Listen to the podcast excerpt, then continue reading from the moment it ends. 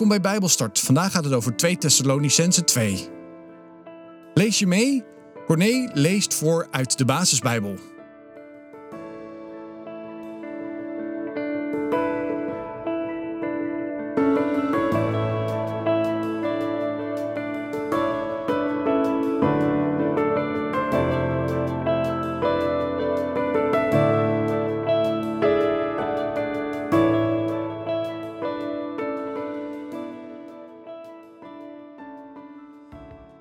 Thessalonicense 2. Nu willen we jullie iets schrijven over de komst van onze Heer Jezus Christus. Dat zal het moment zijn dat we weer samen met Hem zullen zijn. Denk niet dat die dag nu al gekomen is. Laat je daarover door niemand iets wijs maken, niet door een profetie, want die is dan gelogen, niet door een preek, want die is dan niet waar, en niet door een brief waarvan gezegd wordt dat die door ons is geschreven. Laat je door niemand iets wijs maken, op wat voor manier dan ook. Want eerst moet er nog iets anders gebeuren. Eerst zullen heel veel mensen hun geloof kwijtraken. En eerst zal er een mens aan de macht komen die zich helemaal niets van God aantrekt. Hij zal een slecht mens zijn. Hij is de tegenstander van God. Hij is tegen de aanbidding van God en hij zal zelfs in Gods tempel gaan zitten en beweren dat hij zelf God is. En hij zal zelf als God aanbeden willen worden. Weten jullie nog dat ik dit ook al een paar keer heb gezegd toen ik bij jullie kwam? En jullie weten nu wel wat hem op dit moment tegenhoudt. Hij kan pas aan de macht komen als daar zijn tijd is. De wetteloosheid is nu al in het verborgen aan het werk. Alleen is er nu nog iemand die hem tegenhoudt. Pas als die weg is, zal hij aan de macht komen. Maar Jezus zal hem doden met de adem van zijn mond. Hij zal hem vernietigen als hij komt. Die wetteloze mens komt aan de macht door het werk van de duivel. Met de macht van de duivel zal hij allerlei bijzondere dingen en wonderen doen. Daarmee zal hij de mensen bedriegen. Hij stookt de mensen op om allerlei slechte dingen te doen. En de mensen die verloren gaan, zullen hem bewonderen en hem geloven. Ze zullen doen wat hij zegt. Dat komt doordat ze niet van de waarheid hebben gehouden, die hen had kunnen redden. Daarom maakt God hen geestelijk blind en geloven ze de leugens. Zo straft hij de mensen die de waarheid niet willen geloven, maar liever slechte dingen bleven doen. De Heer houdt heel veel van jullie. We zijn God aldoor dankbaar voor jullie, want Hij heeft jullie van het begin af aan uitgekozen. Hij wilde dat jullie zouden worden gered door het werk van de Heilige Geest in jullie en door het geloof in de waarheid. Hij heeft jullie geroepen om dezelfde hemelse macht en de majesteit te krijgen als onze Heer Jezus Christus. Hij riep jullie door het goede nieuws dat wij jullie kwamen brengen. Blijf dus stevig vasthouden aan jullie geloof. Blijf doen wat we jullie mondeling of in brieven hebben geleerd. God onze Vader houdt van ons. En omdat Hij zoveel van ons houdt, heeft Hij ons eeuwige troost en goede hoop gegeven. De Heer Jezus Christus en God de Vader zullen jullie bemoedigen en sterk maken. Daardoor kunnen jullie altijd in woord en daad het goede doen.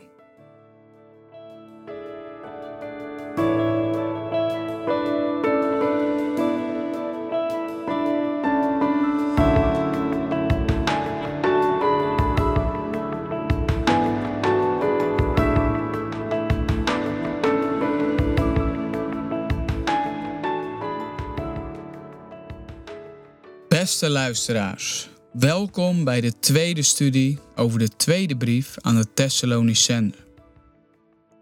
En zoals eerder gezegd legt Paulus in deze tweede brief de nadruk op correctie. In de tweede brief voelt hij dat het nodig is om de gemeente te corrigeren. En daarom doet hij dat ook in hoofdstuk 2. Paulus heeft in hoofdstuk 1 van deze tweede brief al verschillende verdrukkingen behandeld. En Paulus heeft duidelijk aangegeven hoe je deze vervolgingen moet zien. Je moet ze niet zien in natuurlijk opzicht, maar in geestelijk opzicht. En daarom bemoedigt hij de gemeente. En in dit hoofdstuk zegt Paulus daarom ook dat je als christen niet moet laten bedriegen. En daarom schrijft hij het volgende. Vrienden, broeders en zusters, luister goed. Op een dag komt onze Heer Jezus Christus terug. En wij zullen dan voor altijd bij hem zijn. Maar let op, sommige mensen zeggen dat het nu al zover is. Als je zoiets hoort, raak dan niet meteen in de war. Raak niet in paniek, want het is niet waar. Ook al zeggen mensen dat het een boodschap vanzelf is, of de uitleg van een leraar, of een preek, of dat het een brief van mij is. Geloof het niet. In de gemeente was het blijkbaar zo dat de vijand, de Satan, de gemeente op een dwaalspoor had gebracht. En dat ze in paniek waren geraakt omdat Jezus bijna terug zou komen. En mensen kunnen erg in de war raken als ze horen dat Jezus morgen terugkomt. En het kan bij mensen ook vandaag nog paniek veroorzaken. En het is inderdaad zo dat Jezus terugkomt. En zoals in een eerdere studie al gezegd, kan die tijd ook snel zijn. Maar laten wij niet in de war raken of in paniek raken. Laat je niets wijsmaken.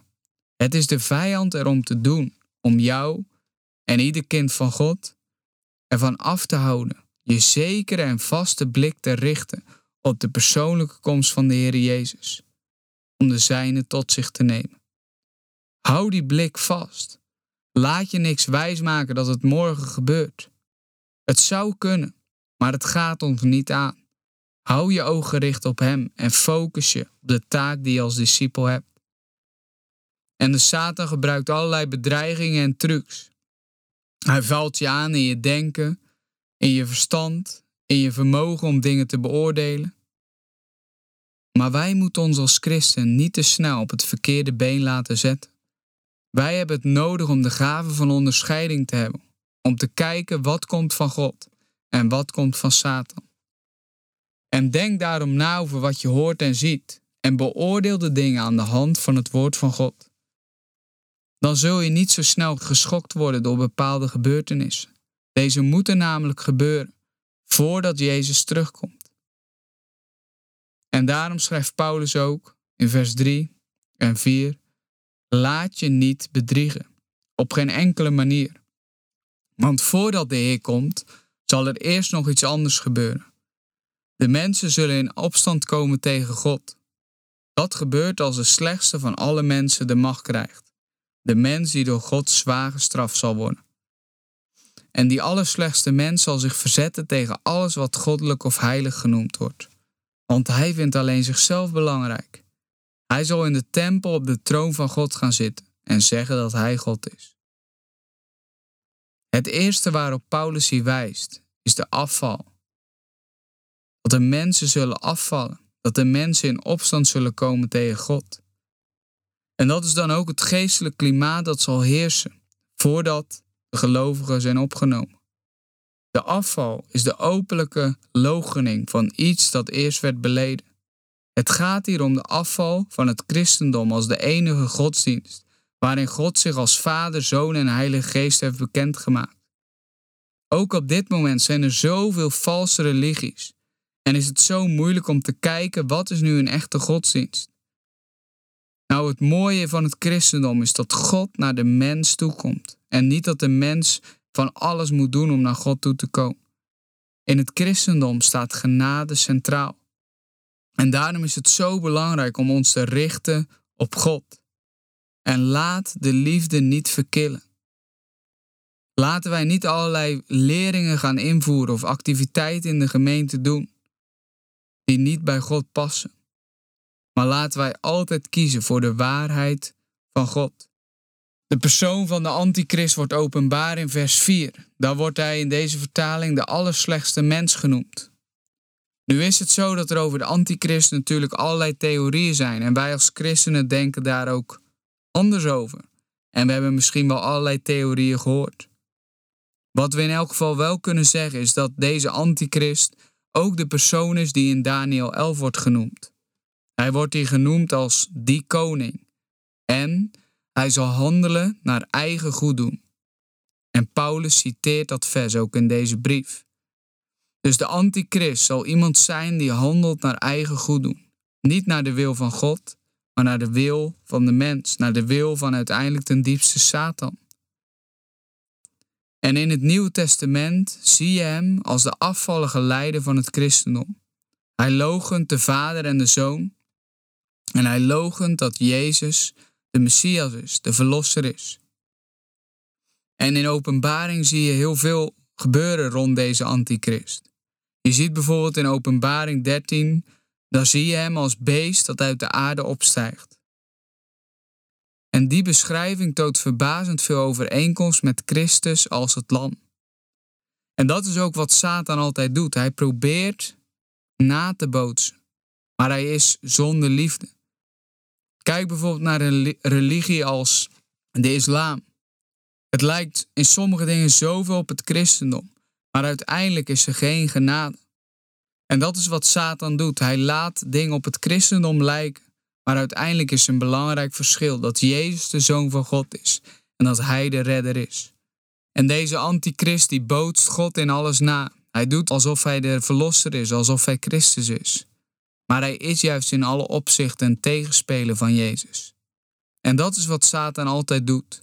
Hij maakt valse religies. Hij liegt. En uiteindelijk is het in al deze religies niet zo dat God ons genade geeft, maar dat wij hard moeten werken voor de God. En wij moeten het verdienen. Maar Jezus ging zelf de laagste weg. Hij kwam naar de aarde en hij gaf zijn leven op voor ons. Hij ging de laagste weg om ons te verhogen. En Paulus, hij noemt deze allerslechtste mens in vers 5 tot 8. Hij zegt dat die allerslechtste mens, de antichrist, al in het geheim aan het werk is. Hij wordt op dit moment alleen nog tegengehouden. Maar straks, als hij niet meer wordt tegengehouden, zal hij de macht grijpen. En dat zal op een moment zijn dat God heeft bepaald. En dat is troostend voor ons. God heeft alle macht. God staat boven de tijd en hij regeert. En als die wetteloze, die antichrist eenmaal geopenbaard is, zal een tijd van ongekende verschrikking op aarde aanbreken. En over dat schrikbewind, dat lees je in Thessalonicense niet. Paulus waarschuwt er alleen voor. Maar dit kun je teruglezen in het boek Openbaringen.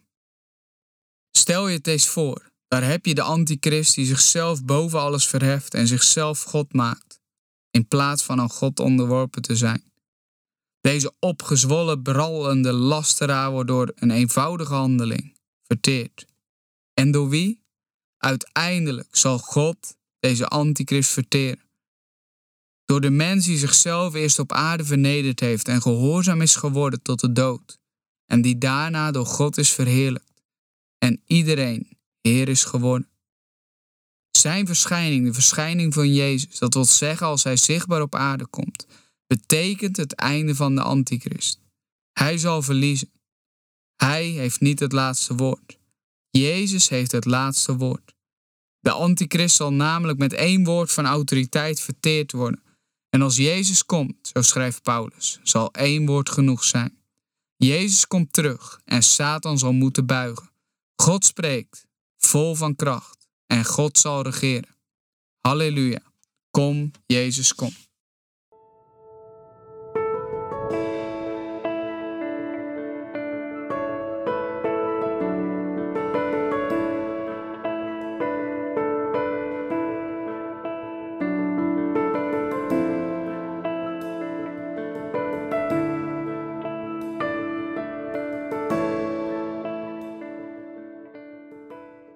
Dit was Bijbelstart, een programma van TWR.